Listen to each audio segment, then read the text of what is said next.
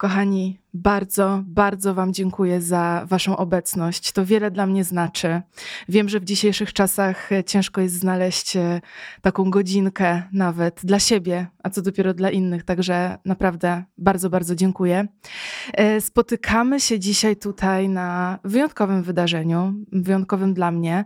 Będzie to, kochani, nagranie mojego podcastu na żywo ze wspaniałą kobietą, którą podziwiam, Natalką Kusiak.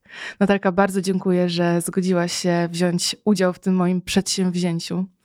Doszło do mnie wczoraj, tak naprawdę, dopiero, że dokładnie rok temu nagrywałam pierwszy odcinek swojego podcastu. Więc e, dzisiaj, oprócz tego, że mamy wydarzenie podcast na żywo, mamy też e, pierwsze urodziny e, na moich zasadach. Dziękuję. Założyłam ten podcast, żeby poradzić sobie samej z różnymi emocjami, które e, gdzieś tam były i zawsze są w mojej głowie, z tak zwanym overthinking, z tym, żeby przelać te myśli nie na papier, ale na mikrofon i być może w jakiś sposób pomóc innym ludziom i zainspirować ich do zmiany życia na lepsze. Podziękowania e, też kieruję oczywiście do przestrzeni, e, która nas dzisiaj tutaj gości, do kinogramu. Bardzo, bardzo serdecznie e, dziękuję, Karolina. Jest to przestrzeń, myślę, że idealna na dzisiejsze wydarzenie, dlatego że udało nam się przemycić taką atmosferę intymności, atmosferę studia podcastowego, w którym nagrywam i w którym uwielbiam przebywać. I mam nadzieję, że dzisiaj również Wy poczujecie taką atmosferę e, studyjną, bardzo intymną, e, taką inspirującą, myślę. Bardzo również dziękuję partnerowi naszego dzisiejszego wydarzenia, Oslo Skin Lab. Natalia, serdeczne dzięki. Oslo Skin Lab to jest też marka bardzo bliska mojemu sercu i ona również działa na własnych zasadach. To skandynawska marka, która jest ekspertem nie tylko od pielęgnacji od wewnątrz, ale także od filozofii slow age, czyli e, mówiącej o tym, że możemy spowalniać i opóźniać procesy e, starzenia się, ale zawsze pamiętając o tym, żeby robić to w zgodzie ze sobą i w szacunku i miłości do nas samych i upływającego czasu. Marka Oslo Skin Lab w ubiegłym roku świętowała swoje piąte urodziny i jest obecna już na 11 rynkach na całym świecie. Muszę zadać Ci to pytanie po tym e, koncercie. Czy udaje Ci się być Natalia w tu i teraz? Staram się na pewno, bo to jest super ważne, ale ym, wiemy, jak jest naprawdę. No. Ym wiemy, jak jest w życiu i że się powinno być tu i teraz, a tak naprawdę planujemy, co będziemy jeść na lunch. No właśnie. Dzisiejszy mm, podcast e, chciałam poświęcić takiej tematyce, która myślę, że jest bardzo na czasie i bliska każdej z nas, jako że też Natalia prowadzisz podcast, twój podcast jest o relacjach. Pomyślałam, że fajnie byłoby zgłębić temat relacji samej do siebie, relacji z samą sobą. I takie pytanie pierwsze, bardzo ogólne, ale myślę, że będę szła od ogółu do szczegółu. W jaki sposób udaje ci się utrzymać balans, ale nie w życiu, balans między twoim umysłem a duszą, tak to poetycko nazwę? Czy mi się udaje? Chyba to, to chyba powinnyśmy zacząć od tego pytania, czy mi się udaje, i myślę, że są te momenty, że tak, ale są też te momenty, że nie, i to też jest okej. Okay. Dla mnie umysł to jest um, to, o czym wspominałaś też wcześniej, czyli to takie z angielskiego overthinking i analizowanie każdego kroku, analizowanie każdej myśli i logiczne rozwiązania, to kiedy w życiu kieruje nami umysł, co z jednej strony brzmi dobrze, ale z drugiej strony ja bardzo wierzę w intuicję i w to, że te decyzje mniej z głowy, a bardziej z brzucha powinniśmy podejmować. Więc staram się na co dzień pamiętać o tym, że dla mnie to jest wartością i dla mnie to kierowanie się intuicją i tym uczuciem z brzucha jest dużo bardziej wartościowe niż te decyzje z głowy. Oczywiście no nie jest tak, że się zawsze tak udaje, ale y, myślę, że nawet to, że sobie przypominamy o tym na co dzień to już jakoś kieruje nas na te właściwe tory. Tak, dokładnie. Wydaje mi się, że najważniejsze w tej takiej pracy ze swoim umysłem i tym kierowaniu, nauczeniu się tym, żeby kierować się intuicją, jest to, żeby zapomnieć o tym, czego się nauczyliśmy przez całe życie.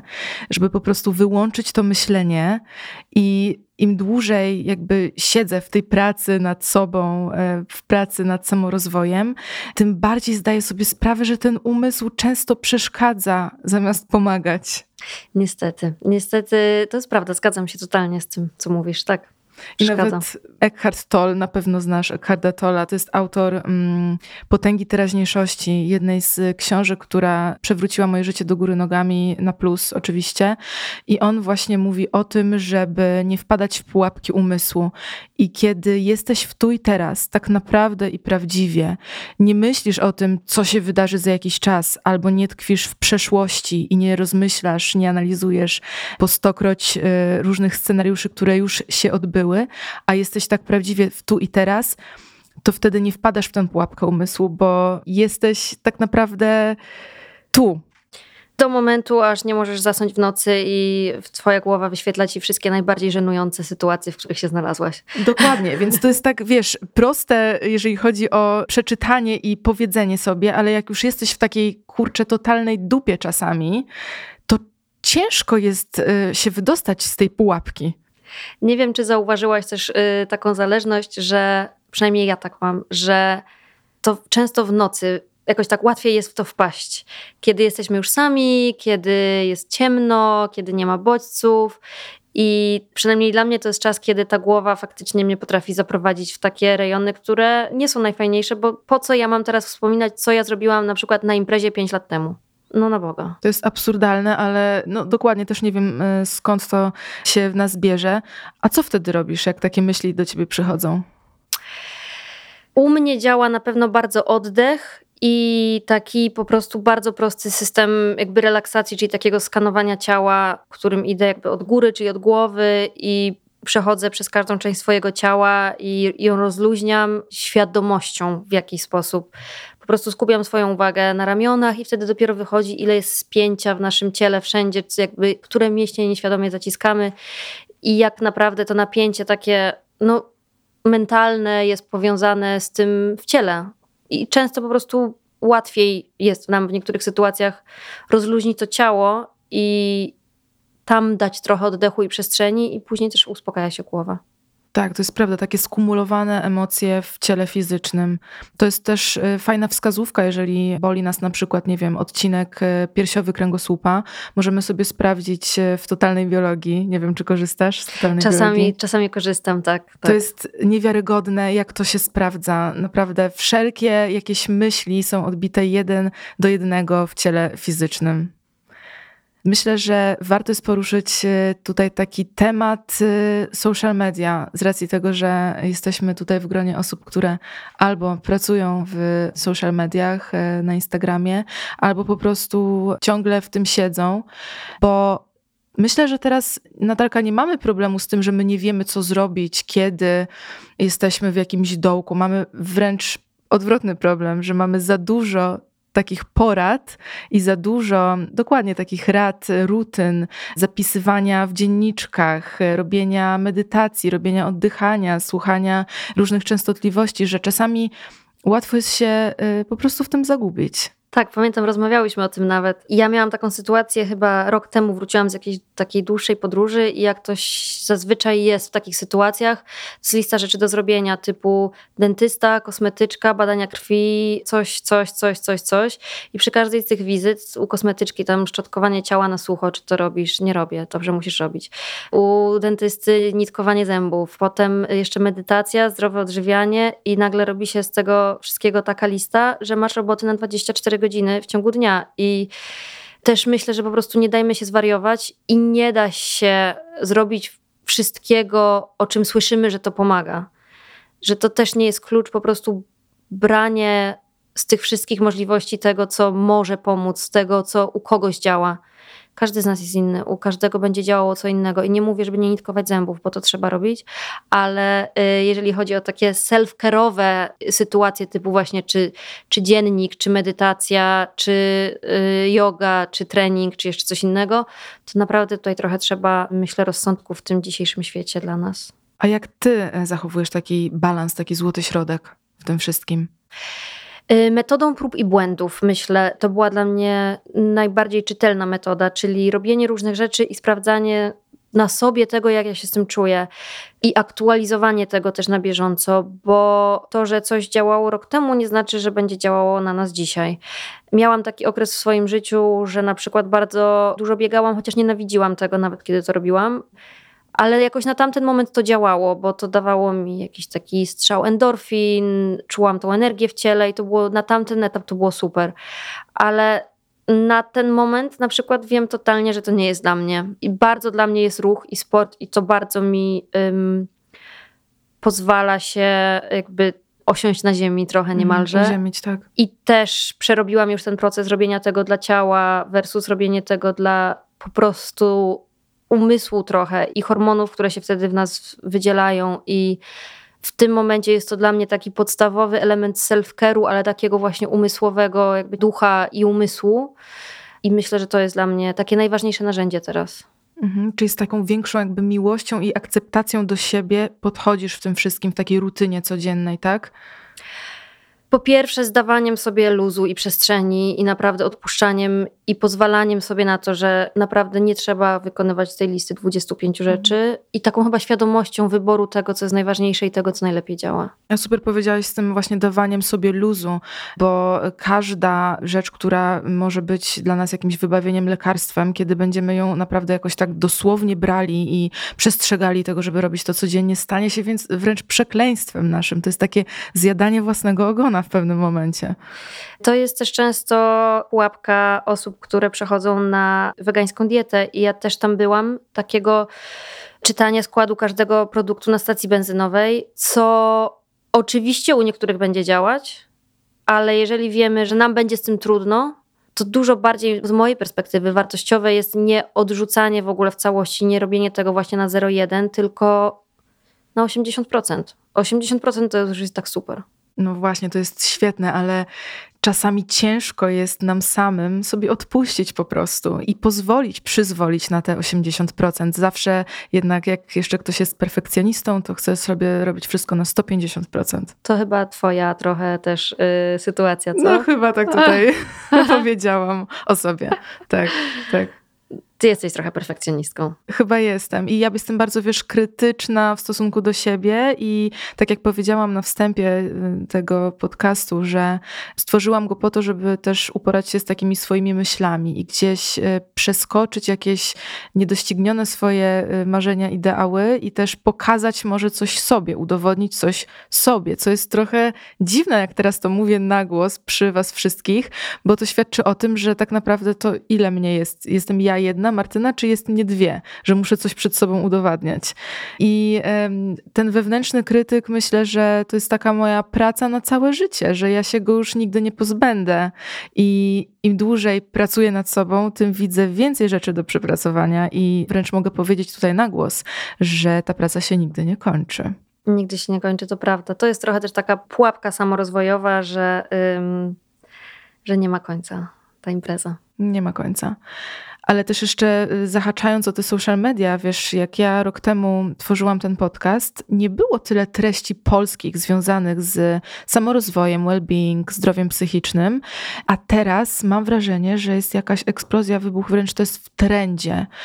I myślę, że to jest dobre, co się teraz dzieje, ale też widzę jakieś takie mm, minusy i niebezpieczne opcje, które się mogą z tego wyjawić. Mianowicie, że to znowu staje się takim trendem, który robimy może dla samego trendu, a nie tyle rozumiejąc i biorąc to, co jest dla nas w tym momencie najlepsze, żeby gdzieś zadbać o swoje zdrowie psychiczne. Że zauważ, nie wiem, czy to też są Twoje spostrzeżenia, że na przykład y, takie zapisywanie, dziennik wdzięczności jest teraz y, totalnym trendem na TikToku czy Instagramie i mam wrażenie, że wiele ludzi, tak jak w tym weganizmie, w takim byciu tu i teraz, próbowaniem y, tego, żeby żyć świadomie, może się jednak zatracić. No, to jakby zgadzam się z Tobą absolutnie, że to nie jest łatwe. Ja czasami jestem w takiej sytuacji, jak patrzę trochę tak na siebie z boku, że jak jestem sama bo jestem w związku teraz, który jest taki trochę, że jesteśmy trochę razem, trochę osobno. Jak jestem sama, to mam wszystko po prostu tak odtąd dotąd i budzę się o tej szóstej i od szóstej do szóstej trzydzieści sobie czytam książkę i potem sobie piję kawę i potem sobie ćwiczę i potem mam to i to i to i to i to i tamto. I mam takie myśli czasami, jak yy, spędzam czas z moim chłopakiem, którym się budzę na przykład i już się budzę później, już jest coś, już jest nie po mojej jakby niezgodnie mhm. z moim planem. Potem nie czytam tej książki i potem nie robię tego, tego i tamtego, i mam jakieś takie, wiesz, przebłyski tych myśli, że kurde, no, że tutaj nie, jakby swojego planu nie realizuję po prostu na swoje wszystkie po prostu milion rzeczy, które mam do zrobienia. Ale to jest taka totalna pułapka tego, co jest realnie wartościowe, a co daje nam taki trochę spokój tego, że mamy pozałatwiane rzeczy, że mamy odhaczony tam, nie wiem, dziennik, jogę i zdrowe śniadanie, to już jesteśmy wszystko super. No to niekoniecznie tam są zawsze te wartości. Czyli w tym momencie taka twoja rutyna codzienna, ona daje ci komfort, poczucie takiego bezpieczeństwa, tak?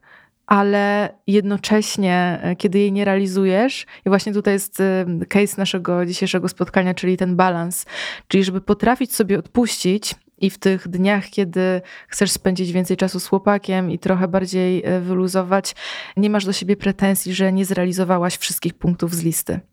Tak, bo wtedy się jakby znajdujemy w absurdalnych sytuacjach, w której wiesz, ty się złościsz na siebie, ale jesteś już trochę poddenerwowana, nie wiadomo o co, nie wiadomo o co ci chodzi, ty nie wiesz o co ci chodzi, on nie wie o co ci chodzi, bo nie przeczytałaś książki przez pół godziny rano, nie poczytałeś. Jakby no, to są jakby już absurdalne skrajności, ale bardzo łatwo się znaleźć w tym miejscu. Naprawdę, bardzo łatwo. Bardzo łatwo i potem ciężko jest y, z tego się wydostać. Myślę, że przede wszystkim dlatego, że to dbanie o siebie i te takie rytuały nasze codzienne, no obiektywnie jak na to patrzymy, no to nam to pomaga i to jest super i to jest bardzo wartościowe. Więc jeżeli tego nie realizujesz, to wydaje ci się, że coś tracisz. To wydaje ci się, że robisz coś nie tak dobrze, jak powinnaś. Więc jakby bardzo łatwo tam wjechać, ale no bo to jakby ma ręce i nogi, to wygląda całkiem prawdziwie. Tak, to jest logiczne dla umysłu, tak, dlatego tak, umysł w to wierzy. Dokładnie tak. Chciałam jeszcze podpytać e, ciebie o, też o tym rozmawiałyśmy, o tym czekaniu, byciu w poczekalni zamiast byciu tu i teraz. Czekamy od do, do jakiegoś momentu, kiedy pojedziemy gdzieś. Jak już tam jesteśmy, to też nie do końca jesteśmy szczęśliwi, bo jednak w tej Warszawie było lepiej.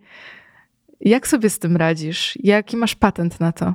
Nie mam jeszcze patentu, ale tak, w ogóle dla mnie to jest bardzo teraz. Um, duży temat ta poczekalnia, bo ja teraz spędziłam ostatnie trzy miesiące właśnie w Australii, gdzie przez pierwsze dwa przerabiałam to, że czułam się tam jak na wakacjach, jak w poczekalni i omijało mnie bardzo dużo rzeczy zawodowych, omijało mnie dużo rzeczy towarzyskich i czułam się taka, niby jestem w rajskim miejscu, jest pięknie, jest słońce, a ja jakby coś mi nie gra. Ja na coś czekam. Nie jestem tak na 100% zadowolona z tego miejsca, gdzie jestem. I próbowałam sobie to też ułożyć i przepracować, i myślę, że po części mi się udało, ale kiedy już został mi ten tydzień do powrotu, to już miałam ten myśl w głowie, że no to już czekamy, to już, już jest czekanko, zaraz będziemy wracać, super, zaczyna się. I faktycznie wróciłam, wskoczyłam w swój taki rytm 16 rzeczy dziennie, harmonogram wypełniony po full, ale też złapałam się na tym któregoś wieczoru, że no tak, no to jeszcze ile? Jeszcze tydzień zanim on przyjedzie, to dobrze, no to już czekamy. I jak zaczęłam sobie sięgać trochę głębiej w to, to w zasadzie mi wyszło, że ja całe życie czekałam na coś. Będąc w liceum, czekałam na to, żeby skończyć liceum, wyprowadzić się z domu. Potem y, czekałam na to, żeby dostać pierwszą pracę. Potem czekałam na to, żeby dostać lepszą pracę. Potem czekałam na to, na jakąś relację. Potem czekałam na to, żeby to była jakaś lepsza relacja. A potem czekałam i cały czas na coś czekałam. I jest taki moment, że uświadamiasz sobie, że żyjesz za jakąś szybą trochę, że w zasadzie nie ma na co czekać, że tam nic nie przyjeżdża do ciebie, jakby żaden autobus, tam się nic nie dzieje wielkiego i że to już żyć można już teraz. Że to już się dzieje. Tak, że to już jest życie, już jest. Już jest no. Ale wiesz, co jest w tym wszystkim najgorsze, że tych momentów straconych lat w poczekalni nikt ci już nie odda. Wolę nie myśleć o tym, ale to prawda. Ja totalnie tak mam nawet teraz. Wiesz, jest y, kwiecień. Gdzie się podział styczeń, luty, marzec? Ja nie wiem. Nie wiem, gdzie to wszystko mi minęło. I rok za rokiem mam wrażenie, że ten czas płynie coraz szybciej, a ja ciągle czekam na coś. I to jest y, taka rzecz, y, którą gdzieś tam powoli udaje mi się przepracować, ale to nie jest konstans. W ogóle mam wrażenie, że ten rozwój osobisty, on nie jest taki wprost proporcjonalny. On ma swoje wzloty i upadki. I myślę, że to też jest istotne dla ludzi, którzy już w tym są, żeby też nie czekać na taki moment obudzenia się. Jak będę już oświecona totalnie, jak będę już w tu i teraz, to będzie super. Albo jak będę już tą idealną, e, najlepszą wersją siebie z przyszłości, to będę szczęśliwa i będę miała to, to, to i to to jest znowu jakieś takie warunkowanie swojego szczęścia. I to jest y, nic innego jak właśnie y, pułapka umysłu. Totalnie. Tak, to jest warunkowanie wszystkiego. Wiesz, no, my czekamy na to, jak będę miała idealne ciało, to będę się ubierać tak, jak będę chciała. Jak będę w związku, to będę chodzić na te kolacje, na które chcę chodzić, do tych wszystkich miejsc, do których chcę chodzić. Albo jeździć na wakacje, do, na które chcę jeździć. I jak będę na wakacjach, to będę wtedy sobie y, robić jogę, bo zawsze o tym marzę, a nie, tutaj nie mogę. No mhm. ale no, dlaczego? Dlaczego teraz nie możesz, prawda? Tak, dokładnie. No i co zrobić, żeby tak siebie nawet y, sobą tak wstrząsnąć i powiedzieć sobie, kurde, żyjesz tu i teraz, teraz to rób. Wiesz, absolutnie nie jestem na mecie. absolutnie nie.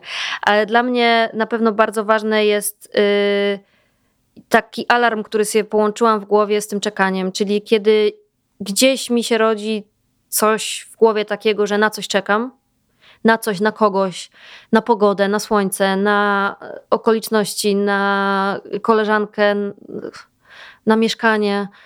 Kiedy tylko mi się pojawia to czekanie, to po prostu staram się zatrzymać i naprawdę sobie spojrzeć w oczy, walnąć się w głowę i sobie powiedzieć: naprawdę, to jest tylko w Twojej wyobraźni. Ale wiesz o tym, że już nawet jeżeli zauważasz to, że czekasz, to jest już ogromny sukces. Gratuluję, Dziękuję. Natalia. Nie, naprawdę, bo y, Eckhart Tolle nawet o tym powiedział. Ja tak będę się dzisiaj do niego pewnie odnosić wiele razy, bo, bo napisał tę książkę y, Potęga teraźniejszości i naprawdę wie o czym mówi. Ja uwielbiam sobie słuchać nawet tej książki razem y, na YouTubie, bardzo polecam, razem z odpowiednimi częstotliwościami. I ten lektor w połączeniu z tymi częstotliwościami to mnie tak usypia, tak wprowadza w taki stan głębokiego relaksu, tak jak właśnie właśnie koncert y, na misach, że to jest taki moment mój, kiedy ja faktycznie jestem w tu i teraz, bo skupiam się na tym, co się dzieje, jakby staram się to poczuć po to, żeby mój umysł zrozumiał, że nie ma czegoś takiego jak przeszłość i przyszłość, bo to tak na dobrą sprawę jest tylko iluzją. Fizycy mówią, że y, nie ma czegoś takiego jak y, przeszłość i, i przyszłość, i ja im wierzę, bo wszystko się dzieje teraz. Zobacz, nawet jeżeli pomyślisz sobie, y, no, mój facet przyjeżdża za tydzień, to wtedy, kiedy on przyjedzie, to kiedy jest? Jest teraz. Widzicie się teraz. Dlatego fajnie jest to w jakiś sposób sobie logiczny dla umysłu przetłumaczyć, tak żeby w jakiś sposób schakować ten umysł i sprawić, żeby coś tam się przestawiło i zacząć myśleć inaczej. Dla mnie na pewno ważne jest też takie właśnie przetłumaczenie sobie tego na codzienność, że to bycie tu i teraz to nie jest po prostu jakiś stan umysłu, albo to nie jest jakiś zen, który trzeba osiągnąć, albo to nie jest jakiś inny sposób myślenia, który trzeba wprowadzić, tylko to jest właśnie wyjście z tej poczekalni i takie robienie tych rzeczy, podejmowanie tych decyzji, które chcemy podjąć teraz. Odpuszczenie tego całego czekania. Jakby taki, wiesz, praktyczny wymiar zupełnie taki w codzienności.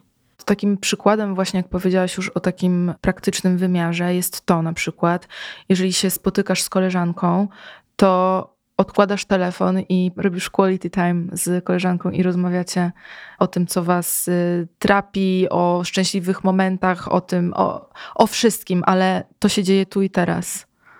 Albo kiedy oglądasz serial albo film i go oglądasz, a nie siedzisz równocześnie na trzech komunikatorach. Kto ostatnio oglądał film i faktycznie jakby pomijając sytuację w kinie, okej, okay, bo to jest co innego, ale w domu, kto ostatnio obejrzał cały film półtorej godziny i nie wysłał w tym czasie trzech wiadomości i nie sprawdził Instagrama i jeszcze TikToka na przykład? Myślę, że nikt na tej sali. Ale wiesz, to zauważyłam, że mm, takie właśnie przybodźcowanie wynikające z tego, że lubimy szybkie formy, dlatego TikTok jest tak bardzo popularny, to bardzo gdzieś tam e, sprawia, że jesteśmy tacy, nie możemy się skupić i właśnie nie możemy być w tu i teraz. I mamy problem z tym, żeby obejrzeć długą formę, jaką jest film, bo jesteśmy przyzwyczajeni do 15-sekundówek, 5-sekundówek i już chcemy mieć całą tą informację w mgnieniu oka. Tak, i to jest też y, bardzo też połączone z po prostu dopaminą w mózgu. To jest, ja trochę teraz też zgłębiam ten temat, więc trochę mnie to interesuje. I to popularne, teraz popularne, chociaż po prostu teraz się o tym mówi, ale na przykład zjawisko tego deficytu uwagi u dorosłych, czy ADHD u dorosłych, to jest wszystko dopamina po prostu. A możesz to rozwinąć, bo to bardzo mnie zaciekawiło. Dla większości z nas ADHD kojarzy się po prostu z dziećmi z podstawówki, które się źle zachowują w szkole i przeszkadzają na lekcjach. I jakimś zrządzeniem losu ja przez ostatni rok jakby w gronie swoich bliskich znajomych. Odkrywam coraz to nowe osoby, które mają już taką na przykład profesjonalną diagnozę ADHD i się mówi, że to jest ADHD u dorosłych albo ADD, czyli wtedy to nie ma tego jakby ruchowego elementu nadpobudliwości, tylko to jest ten deficyt uwagi. I to jest trochę, wydaje mi się z mojej perspektywy, takie nawet do potęgi podniesione to, o czym mówiłaś, czyli problem z utrzymaniem uwagi w dłuższej rozmowie, w dłuższym filmie, w dłuższej formie, w dłuższej książce, bo w tej sytuacji, czyli tego ADD, ADHD, tam jest obniżony poziom wyjściowy dopaminy w mózgu, czyli potrzebujemy tych szybkich mhm, strzałów mm -hmm. typu no jeżeli to jest y, pościelenie łóżka, jakby zrealizowanie małych zadań, to jest super, ale no zazwyczaj to jest po prostu przeglądanie mediów społecznościowych. Więc my też to robimy, będąc, nie będąc zdiagnozowani. Każdy w jakimś jest taka teoria, że każdy z nas w jakimś stopniu jest na spektrum po prostu. Tylko te osoby, które jakby nie mają większych problemów zazwyczaj na co dzień, przy na przykład w rozmowie, no ale już na filmie bywa różnie na przykład. Mhm. Więc to jest też taka teoria, że każdy z nas jest na spektrum gdzieś tego deficytu uwagi i też robimy to, że nie ma nas tam, tylko jesteśmy na przykład w telefonie, po to, żeby sobie podnieść poziom dopaminy w mózgu. No właśnie, dlatego tak szalenie ważna moim zdaniem jest medytacja, nawet zwykły, świadomy oddech, spacer w parku. To są takie najprostsze chyba trzy przykłady, które teraz mi przychodzą do głowy, po to, żeby właśnie pozostać jak najdłużej w tej uważności, bo no, to jest wszystko, jakby jeżeli nie będziemy uważni, to życie będzie po prostu przelatywać między naszymi palcami, nawet nie będziemy wiedzieć, kiedy to się stało. A też taką ważną kwestią, którą chciałabym poruszyć, bo miałam ostatnio wiele przemyśleń odnośnie podróżowania samotnego i powiedziałam, że ten mój wyjazd na Malediwy to już była ostatnia samotna podróż, bo doszłam do wniosku, że gdziekolwiek nie pojadę, to i tak trafię sama na siebie. Więc jeżeli chciałam pojechać gdzieś i doznać jakiegoś katarzis, bo oczywiście mój perfekcjonizm um, oczekuje ode mnie tego, żeby się po prostu jakiś grom z jasnego nieba na mnie chyba spadł. I pomyślałam sobie, że co z tego, że ja jestem w pięknym miejscu, jak i tak jestem z tymi samymi myślami, które miałam w Warszawie. I moje pytanie do ciebie jest takie: czy tobie podróże dają jakąś taką supermoc analizowania swojej psychiki, jakoś pomagają ci w tym odnalezieniu się w tu i teraz? Mi podróże dają często po prostu inną perspektywę na to, z czym się aktualnie borykam, i czasami to jest po prostu takie wyraźniejsze dla mnie. Taka codzienność domowa jest, jak wiadomo, no super i jakby każde warunki są super do tego, żeby sobie patrzeć na siebie i żeby jakoś nad sobą pracować, ale podróże i zmiana otoczenia ma do siebie to, że te rzeczy w sobie widzimy po prostu często jak w szkle powiększającym. I czasami jest po prostu trochę łatwiej. Jakby to nie znaczy, że ten proces jest łatwy, bo to wiąże się też z tym, że przydarzają nam się, czy się pakujemy w różne sytuacje, które wcale nie są przyjemne, albo może są przyjemne, ale nie są łatwe. Ale wynik jest taki, że po prostu nam czasami łatwiej jest zobaczyć niektóre rzeczy w sobie, jak zmienimy otoczenie. Czyli jak zmieniają się okoliczności, to też może to jakoś pozytywnie uważasz wpłynąć na cały proces myślowy? Myślę, że tak, bo wielu z nas żyje w taki bardzo um, powtarzalny sposób, do tego stopnia, że patrzymy codziennie na te same rzeczy, a to, czym się otaczamy, to też na nas jakoś zawsze działa. Jeżeli patrzymy na te same rzeczy, otaczamy się tymi samymi osobami, robimy te same czynności, jemy to samo, to to wszystko jest takie stałe i rytmiczne i to ma swoje zalety, absolutnie. Ale mało nas wtedy wybija z tego i mało jakby, kiedy sobie zapewniamy, moim zdaniem przynajmniej, jakieś takie nowe elementy w swoim otoczeniu, to często to potrafi po prostu nas trochę jakoś mocniej przycisnąć. Tak, to ma sens, bo teraz w sumie przypomniałam sobie takie moje pierwsze samotne podróże. To właśnie chodziło mi o to, żeby włożyć siebie w takie powiedzmy niekomfortowe sytuacje, pozbawić siebie właśnie tego ciepełka kanapy i Netflixa i włożyć siebie w sytuację i sprawdzić, czy sobie poradzę, czy sobie nie poradzę. A czy lubisz podróżować sama? Lubię. Natomiast już teraz, po którejś samotnej podróży, już jak to brzmi, Nostalgicznie. Uznałam, że chcę dzielić się tymi e, doświadczeniami z drugą osobą, że to jest teraz fajne, ale wiesz, zawsze jest trawa zieleńsza e, u sąsiada, czyli e, jak podróżowałam z kimś, to chciałam podróżować sama. I to jest znowu o tej uważności naszej i byciu w tu i teraz. Trochę tak. Jakby ja nie podróżowałam bardzo dużo sama, ale zdarzyło mi się kilka wyjazdów i pamiętam, że wiedziałam i wydawało mi się, że dla mnie to jest dużo bardziej komfortowe mieć kogoś obok zawsze i jakoś, że do tego mi jest bliżej, ale też tak naokoło i w swojej takiej chyba po prostu bańce social mediowej też widziałam cały czas te komunikaty mnie bombardowały, że dziewczyny, wszystkie trzeba podróżować solo, że to jest super, że tylko tak, w ogóle się poznaje ludzi z całego świata i to jest ekstra, nigdzie nie poznasz tyle ludzi, jak zaczniesz podróżować sama. I jak słyszałam te wszystkie komunikaty, widziałam je naokoło siebie, no to stwierdziłam, że już nawet nie wypada y, nie podróżować solo. I wybrałam się, pamiętam, na taki wyjazd do, to była chyba Tajlandia wtedy, z takim przekonaniem, że jadę tam poznać tych wszystkich przyjaciół, o których wszyscy opowiadają. Zatrzymałam się w hostelu w ogóle, w takim dziesięcioosobowym pokoju, bo sobie wymyśliłam, że to jest najłatwiejszy środek na to, bo jak będę sama w hotelu, to pewnie będzie trochę trudniej, ale jak hostel, to już w zasadzie sprawa załatwiona. Ale ja nadal byłam sobą niestety w tej sytuacji i ja niestety wbrew temu, jakby co robię zawodowo, czyli rozmawiam z ludźmi, to w życiu takim prywatnym raczej widzę siebie jako nieśmiałą osobę bardzo i nie inicjuję raczej rozmów z innymi ludźmi. Nie dlatego, że oni mnie nie interesują, tylko dlatego, że się po prostu boję. Więc tam tego też nie robiłam. I zakładam też, że nie wyglądałam na specjalnie zainteresowaną rozmowami z tymi ludźmi, bo patrzyłam w podłogę pewnie, jakby odpowiadałam jednym zdaniem, część nie mówiła po angielsku. Do tego jeszcze, jak się okazało, ludzie, którzy się zatrzymują w hostelach zazwyczaj po prostu prowadzą trochę inny tryb życia, czyli wychodzą na imprezy, wracają o 10, a o 10 to ja szłam na jogę wtedy, więc ym, było bardzo mało punktów styku. Posiedziałam tam dwa tygodnie i nie poznałam nikogo.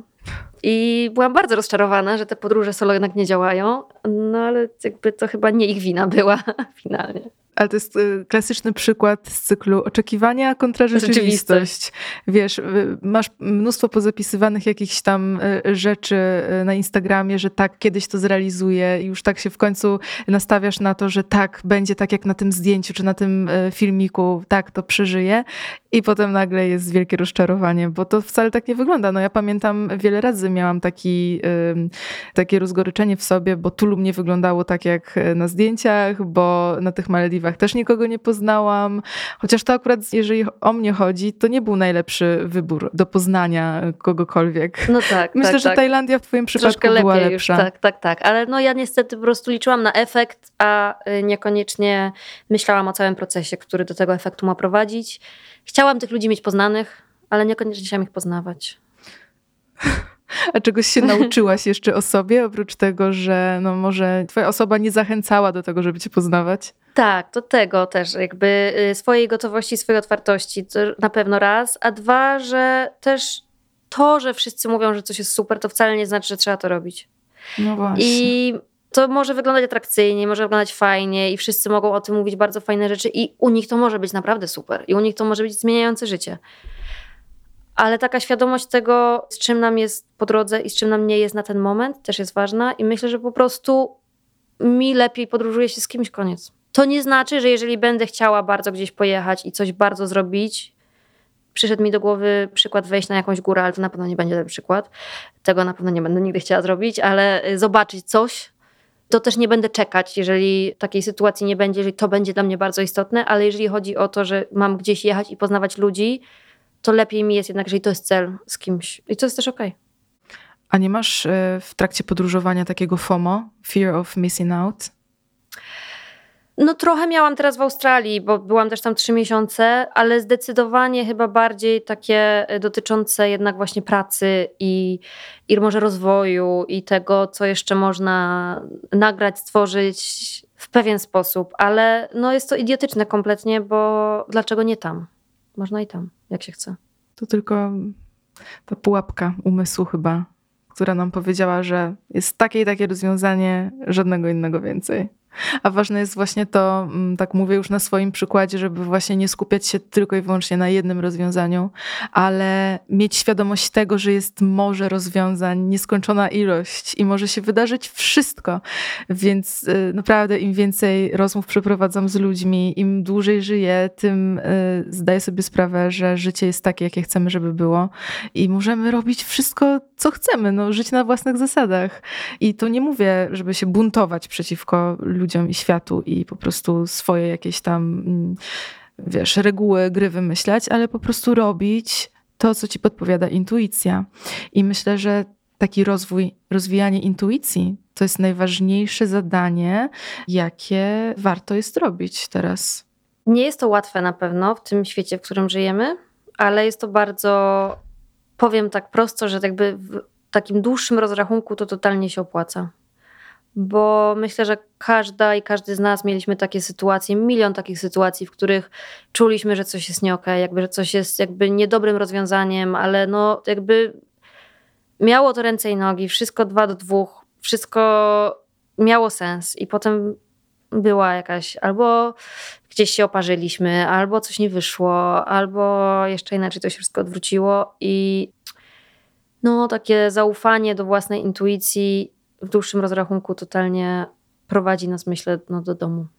To jest taka właśnie walka wewnętrzna duszy z rozumem, kiedy myślimy sobie na logikę, że tak, no to to ma sens, to będzie dla mnie lepsze rozwiązanie, bo sobie wykalkulujemy na chłodno, że no to mnie zaprowadzi tu, no logiczne, ale tego nie czujemy, nie? I ja już się nauczyłam, i szczerze mogę powiedzieć, że zawsze tak robię. Jeżeli już na początku coś poczuję, że jest nie tak i może to nie jest dla mnie, to w to nie idę.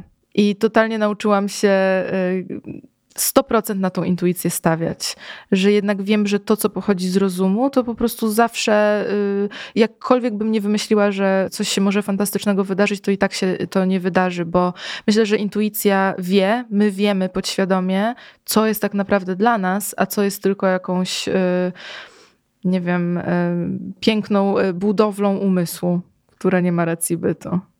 Błyszczącą, tak, tak przynętą. Dokładnie, pięknie to opowiedziałaś właśnie tak poetycko i o tym twoim pisaniu chciałam jeszcze coś trochę zagaić. Dla ciebie pisanie to jest taka forma autoterapii. Bardzo, bo pomaga mi trochę spojrzeć na różne sytuacje z takich perspektyw, z których nie patrzę na co dzień bo na przykład emocje mnie trzymają z jednej strony, albo trzymam się logiki, albo jakieś takie inne są historie, y, ale pisanie czy z myślą o jakimś opublikowaniu, upublicznieniu tego, czy nawet jakby takie do szuflady, mi bardzo pomaga. Nie jest to dla mnie nigdy jakby ta forma taka dzienników i wdzięczności i odpowiadania na milion pytań, ale takich um, opisywania problemów, z którymi się zmagam jakby na co dzień i jakichś takich dochodzenia do zrozumienia tematu, z który po prostu próbuję rozgryźć i opisywanie sobie swoich procesów myślowych. Myślę, Trochę. że mamy więcej wspólnego niż nam się może wydawać. Ciągła rozkmina filozoficzna w głowie.